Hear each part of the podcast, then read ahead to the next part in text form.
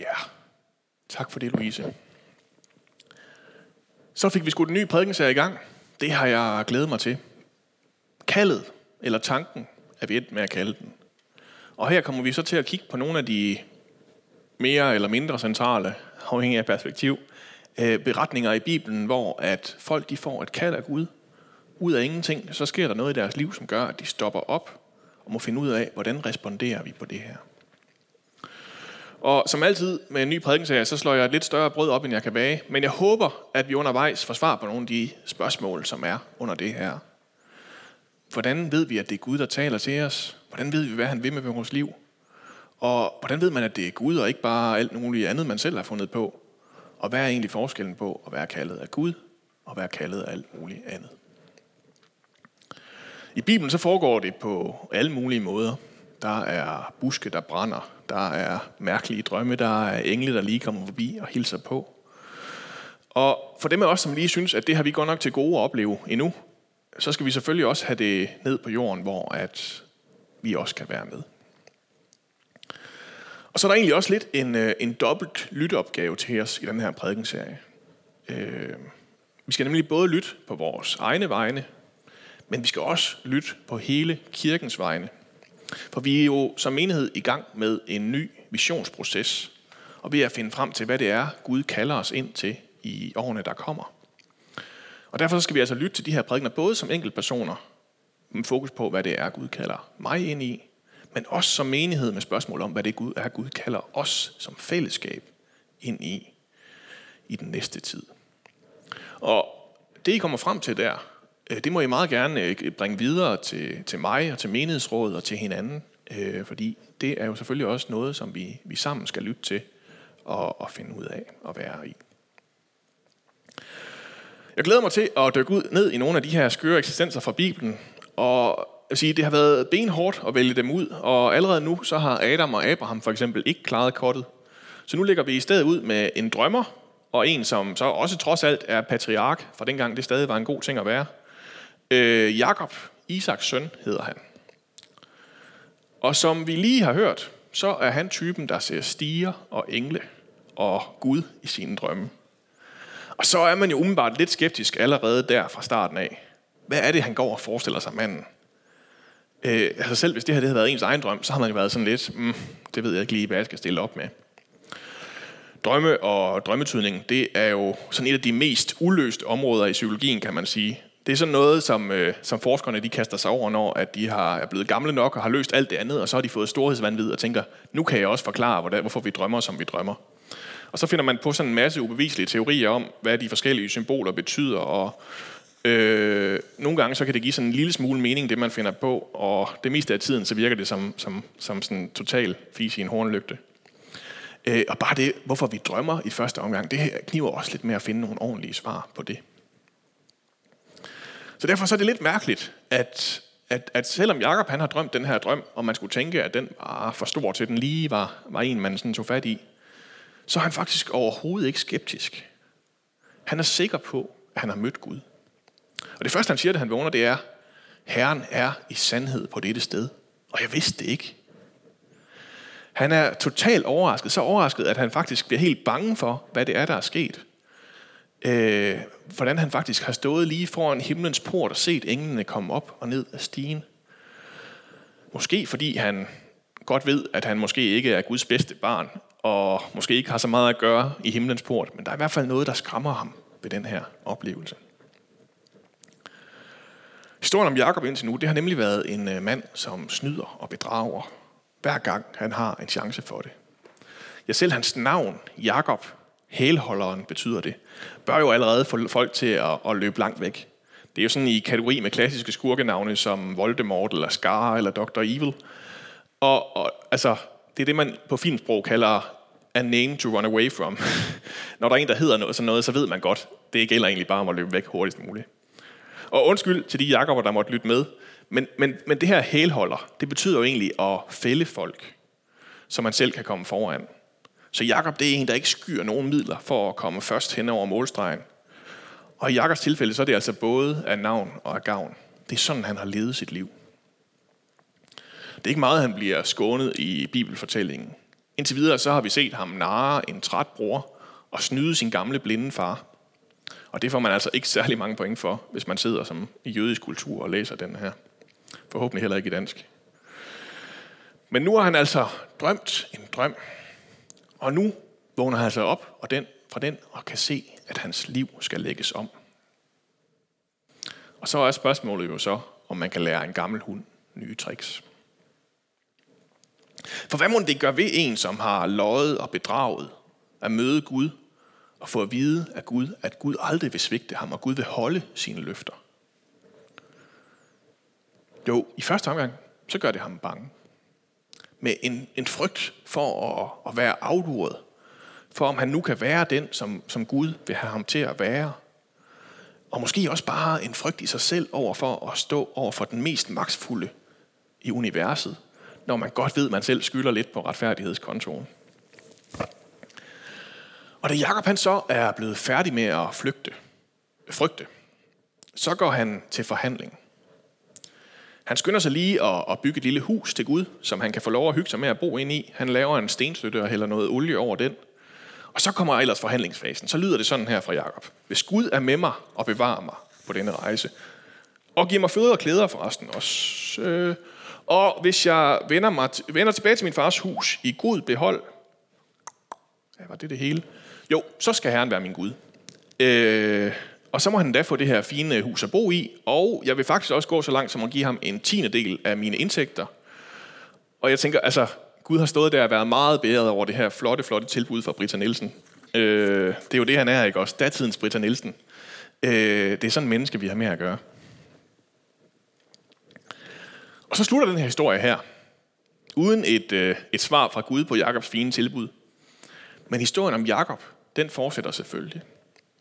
Han kommer frem til sin onkel Laban, som så faktisk har et navn, der er næsten endnu mere skurkagtigt end hans eget, selvom, selvom det egentlig bare betyder flink fyr på hebraisk, og fortsætter egentlig med at, at snyde og bedrage der, sådan som han hele tiden har gjort. Og, og bliver faktisk også rig i den her tid. Han bliver faktisk også rig af det, han får snydt og bedraget. Han bliver dog også snydt en del selv. For eksempel til at gifte sig med en, han ikke lige havde regnet med, at han skulle gifte sig med. Og ender med at få så betændt et forhold til sin egen svigerfar, at han er nødt til at tage flugten tilbage i, hans, i armene på hans egen bror, som han egentlig var flygtet fra i første omgang. Og, og på vejen får han lige taget sig en brydekamp med Gud, og det ender med, at han får et nyt navn af Gud til allersidst. Israel, Gud kæmper.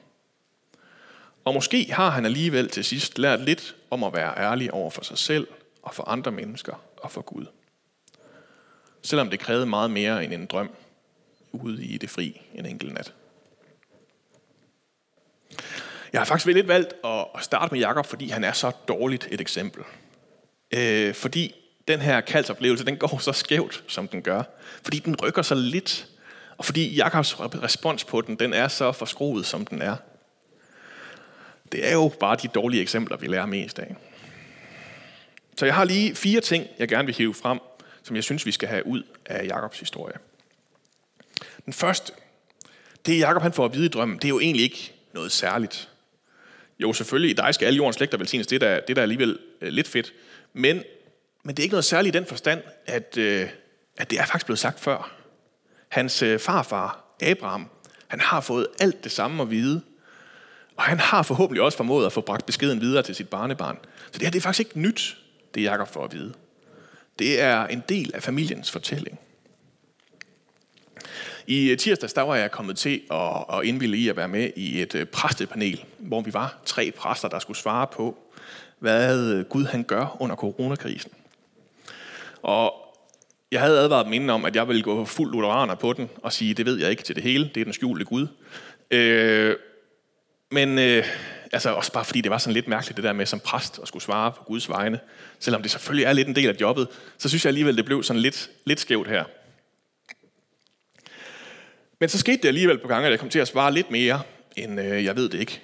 Og det, der egentlig tit blev refrenget på alle de her spørgsmål om, hvad Gud han gør lige nu, øh, det var egentlig bare, at Gud han gør det samme, som han altid gør. Han kalder mennesker ind i dybere tillid og kærlighed til ham. Og det er egentlig det, han hele tiden prøver at sige til os, og det prøver han også at sige til os under coronakrisen. Og det var vi egentlig ret enige om, alle tre præster. Og jeg tror faktisk, det er vigtigt at hive fat i, at det Gud, han kalder os til, det er egentlig ikke så avanceret. Det er ikke sådan noget, der skal findes under en eller anden sten et sted.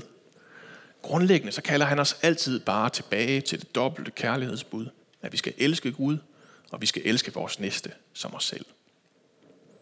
Sværere er det på en eller anden måde egentlig ikke. Den anden ting, det synes jeg er Jakobs reaktion, som er sådan helt priceless. Herren er i sandhed på dette sted, og jeg vidste det ikke. Altså, dog, Jakob, ikke også? Selvfølgelig er Gud på det her sted. Han er jo alle steder. Men Jakob, han har jo levet hele sit liv, som om, at Gud, han ikke er der, hvor han er. Som om, at, at Gud, han blev pænt inde på hans afgrænsede territorie. Og så havde Jakob ligesom fri til at opføre sig, som han ville alle de andre steder. Og nu har han så sovet ude på en tilfældig bakke, midt ude i ingenting, hvor der ikke er nogen mennesker, der har noget at gøre. Og så viser det sig lige pludselig, at her, ude i ingenting, så går der en stige op til himlen, og englene de går op og ned, og, og, og det er her, det sker. Og jeg tænker lidt, at, at vi kan ryge i den samme fælde som Jakob. At vi kan komme til at tro, at øh, vi skal leve vores liv, øh, eller vi lever vores liv og vores dagligdag sådan et sted, hvor at, at der er Gud egentlig ikke, og det har vi ikke lige forholdt os til, om han er. Og så bliver det også tit derefter. Når, når, når Herren ikke er der, så må der jo være nogle andre, der regerer, ikke også? Så kan, det, så kan han jo ikke gøre noget. Og så bliver det meget, meget svært at få øje på, at Gud faktisk er lige der, hvor vi er. Og derfor så har vi brug for at, at erkende og opdage en gang imellem, at Herren er i standhed på det her sted. Også selvom jeg ikke havde opdaget det. Også selvom jeg ikke vidste det. Vi kan godt tro, at, at Gud han er sådan noget, der bor et sted, eller noget, vi sådan går og slipper rundt på. Og han springer sådan først ud af lampen, når der er blevet sagt et bibelvers, eller der er en præst til stede. Men Gud han er jo langt foran os, og han har virket alle de steder, hvor vi er. Ganske evigt og evindeligt, længe inden vi kom til. Og Gud er i sandhed på alle de her steder, hvor vi går og tror og opfører os, som om han ikke er. Den tredje ting, øh, det er så den anden del af Jakobs respons. Hans forsøg på sådan at, at forhandle med Gud. Og det er jo her, hvor det sådan bliver helt patetisk, ikke også? Han har godt nok lige mødt Gud og er blevet fuldstændig overvældet over det, han har set. Men, men nu har han lige sådan faldet til ro, og så har han alligevel lige en række krav og en øh, tidsfrist, som Gud han skal møde. Og, men så vil han til gengæld også være klar til at tage ham som Gud. Og i det efterfølgende forløb, så fortsætter han egentlig på samme måde. Livet for Jakob det bliver en lang forhandling, hvor at det kan handle om at, at finde smuthullerne i kontrakten, og så, så kan man ellers bare opføre sig nogenlunde, som man vil. Og han fortsætter faktisk også med at have andre guder, altså gudbilleder i sin taske helt konkret. Fortsætter med at, at tilbede andre kloge guder også ved siden af. Fordi det er jo bare lige lidt klogere at spille på flere heste. Det kunne være, at, øh, at de også lige havde noget, de kunne bidrage med. Men jeg synes, det, det, det mærkelige, det er jo, at det faktisk ikke rigtig ændrer noget øh, i, at øh, Jakob han følger det kald, som han egentlig har fået af Gud at det faktisk ikke ændrer, øh, at han, han ender der alligevel. Måske tager det lidt længere tid for ham at komme tilbage til det land, som Gud har lovet ham at blive den her store slægt, som Gud har lovet ham. Men Gud stopper ikke ved at være med ham. Gud stopper ikke med at bevare ham. Gud stopper ikke med at, at holde halvdel, hans del af pakten, på trods af alle de her modkrav fra Jakob. For i den her pakslutning, i den her kontrakt, så er det faktisk Gud og ikke Jakob, der tager sig af at overholde den. Det er Gud, der bærer ansvaret. Det er Gud, der bærer risikoen. Og det er Gud, der fører Jakob sikkert hjem igen. Så Jakob han kan godt tro, at det er ham, der forhandler. Men i virkeligheden så har han fået den bedste aftale allerede. Og det er Gud, der tager sig af, at den bliver overholdt. Og så den fjerde ting. Så er der det her med, at alt det her, det sker i en drøm. Og, og også det her med, at det faktisk har så lidt effekt på Jakob, som det har.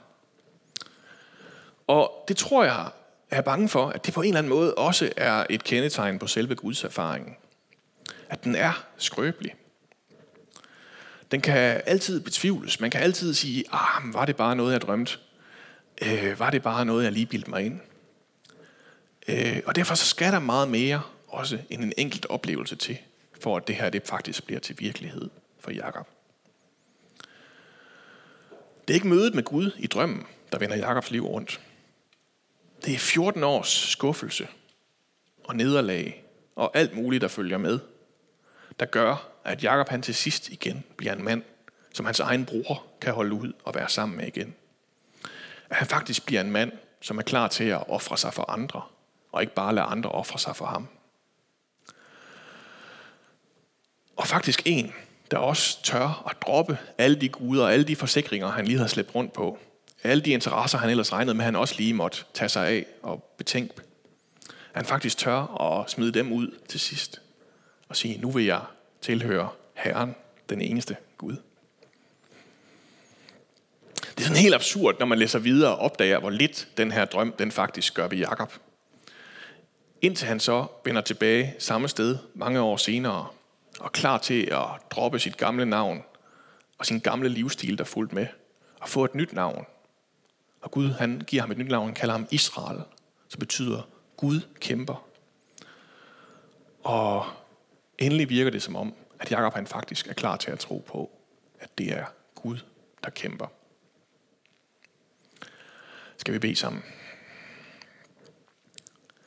Far, vi vil gerne øh, takke dig for det. Tak fordi, at du har givet os beretning om Jakob, den her fantastiske karakter med alle hans fejl og alt muligt, vi kan spejle os så meget i og lære så meget af.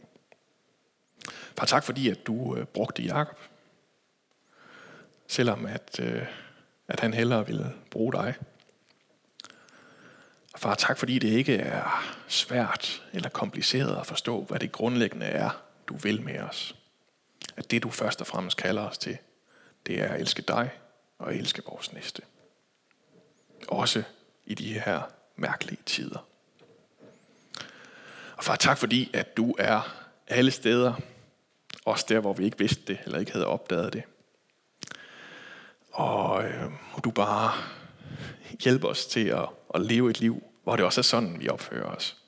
At vi kan gå ind på vores arbejde, vores dagligdag og alle mulige steder at vide, at også her, der er det dig, der regerer. Tak fordi det er dig, og ikke os, der holder pakten i live. At, øh, at det her, selvom at, at vi finder alle mulige smuthuller i kontrakten og prøver at bryde den hele tiden, at så opløser du den ikke. Så bliver du ved med at vil være vores Gud, og at vil have os som dine børn. Og far, så øh, er vi ærgerlige over det her med, at, øh, at selv når vi synes, vi møder dig, så kan vi alligevel blive i tvivl. Og så kan det alligevel kræve mere end bare en beslutning af os, at få, øh, få lavet om på det, vi ved godt ved, der skal laves om på. Og øh, derfor så siger vi også tak for, at du alligevel til sidst øh, giver os at opdage, hvordan du virker, hvordan du har virket i vores liv øh, og at det er dig og ikke os, der kæmper for os. Ja. Amen. Nu skal vi synge sammen igen, og efter det så er der nadver, så øh, det kan også være en god idé lige at få brødet og saften eller vinen klar derhjemme, hvis I har lyst til at være med i nadverfejringen. Og så er det jo et stadig muligt at søge forbøn hos øh, Karen og Elisa. Øh, er der ikke en af jer, der lige vil skrive en besked ud igen? Så man øh, ved, hvem man skal skrive til, øh, hvis man gerne vil bes for. Øh, og vi vil bede for dig lige meget, hvad du kommer med. Ja, værsgo.